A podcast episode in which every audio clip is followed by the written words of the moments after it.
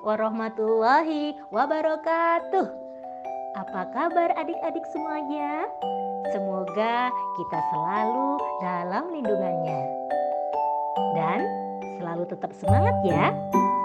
Juga ceria. Baiklah bersama Kak Deti dari Kampung Dongeng Soko Jambi akan membawakan sebuah cerita berjudul Penjual Tempe. Dengerin ya. Allah selalu mempunyai jawaban atas setiap doa. Seperti dalam kisah doa nenek penjual tempe. Di pinggir kota ada seorang nenek hidup sendirian. Pagi-pagi ayam jantan pun berkokok.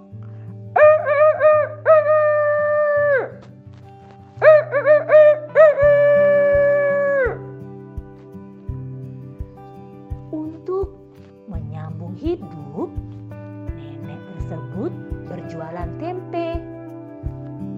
Pada suatu hari, sang nenek terlambat memberi ragi, sehingga tempe tidak matang tepat pada waktunya.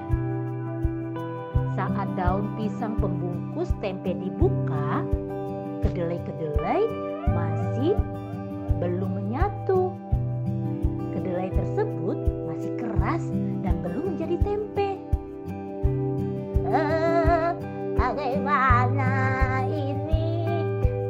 Allah. Astagfirullahaladzim. Aku lupa memberikan ragi pada tempeku.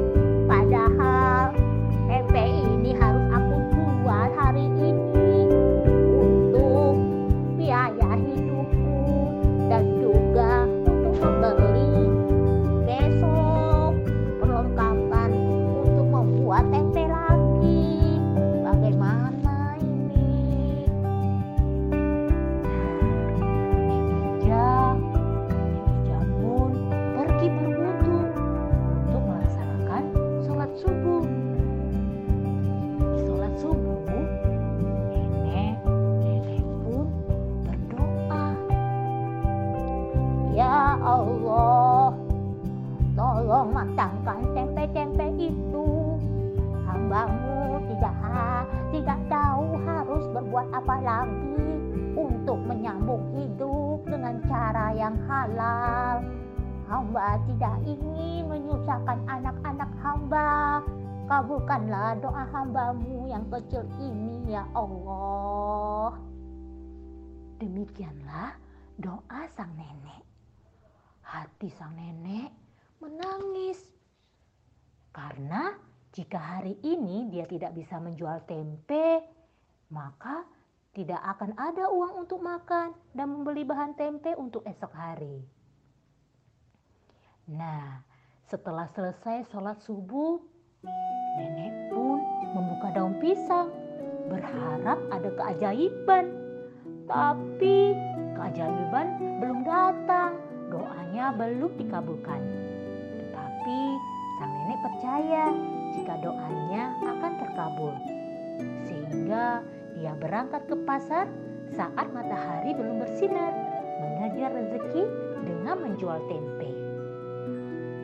Sesampai di pasar, sang nenek kembali membuka pembungkus tempe. Nah, astagfirullahaladzim. Tempenya juga belum matang. Bagaimana ini?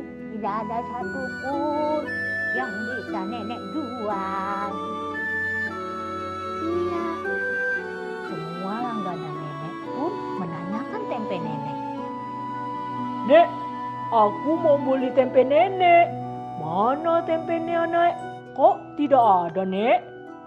Iya, tempe nenek belum matang. Makanya nenek tidak tidak digelar di sini. Wah, Nenek, padahal aku ingin sekali membeli tempe nenek. Tapi ya sudah ya, Nek. Aku perlu tempe yang matang. Iya, tidak apa-apa kok.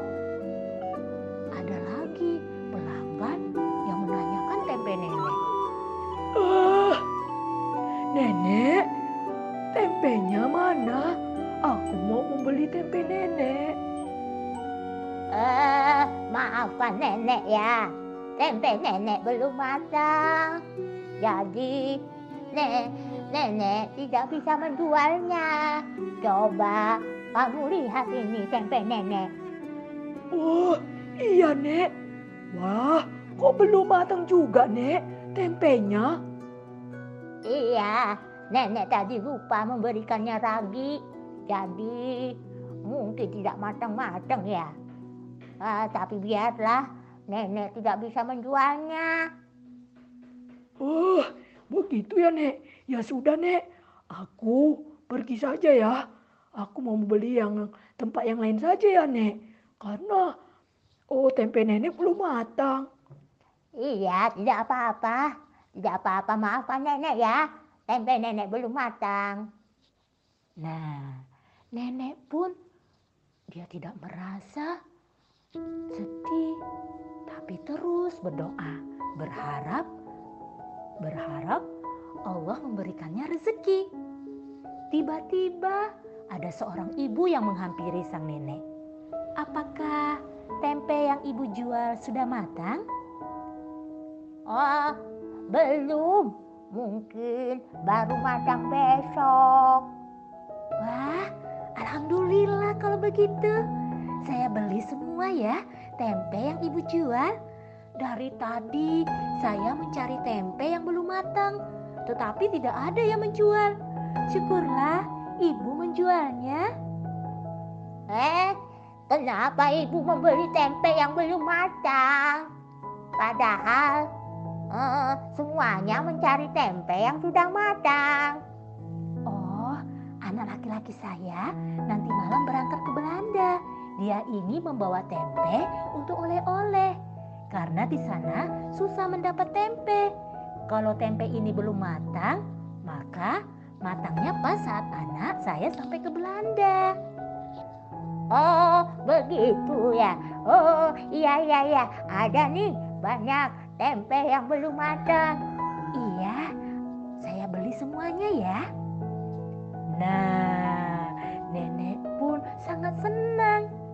Alhamdulillah, nenek sangat sangat senang ketika tempenya dibeli semuanya. Alhamdulillah, ya Allah, kau mendengar doaku. Nah, inilah jawaban atas doa sang nenek. Allah selalu mempunyai jawaban terbaik untuk doa hambanya. Kadang sebuah doa tak langsung mendapat jawaban. Kadang doa seseorang tidak dijawab dengan iya. Karena Allah selalu punya rencana terbaik untuk hambanya. Nah, demikianlah cerita dari Kak Deti. Semoga bisa diambil manfaatnya. Wassalamualaikum warahmatullahi wabarakatuh.